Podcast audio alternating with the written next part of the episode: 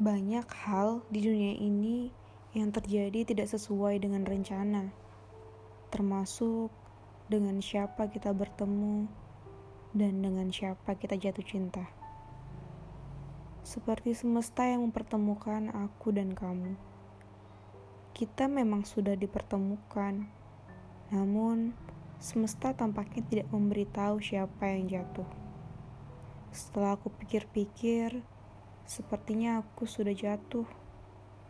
Aku sudah jatuh tepat di depanmu, tersungkur di bawah kakimu, dengan tangan yang membiru serta lumpur di telapak tanganku. Lalu aku menatapmu, dengan hati malaikatmu, kau mengobati semua lukaku. Lukaku yang memerah dan membiru, dengan penuh kelembutan dan kesabaran kau mengobatinya. Bagaimana aku tidak luluh? Aku tidak tahu apa tujuan semesta. Mengapa ia mengirimmu ke duniaku? Entah untuk menyembuhkan luka, lalu pergi begitu saja, atau menjadi kisah yang akan kutemui di bab selanjutnya.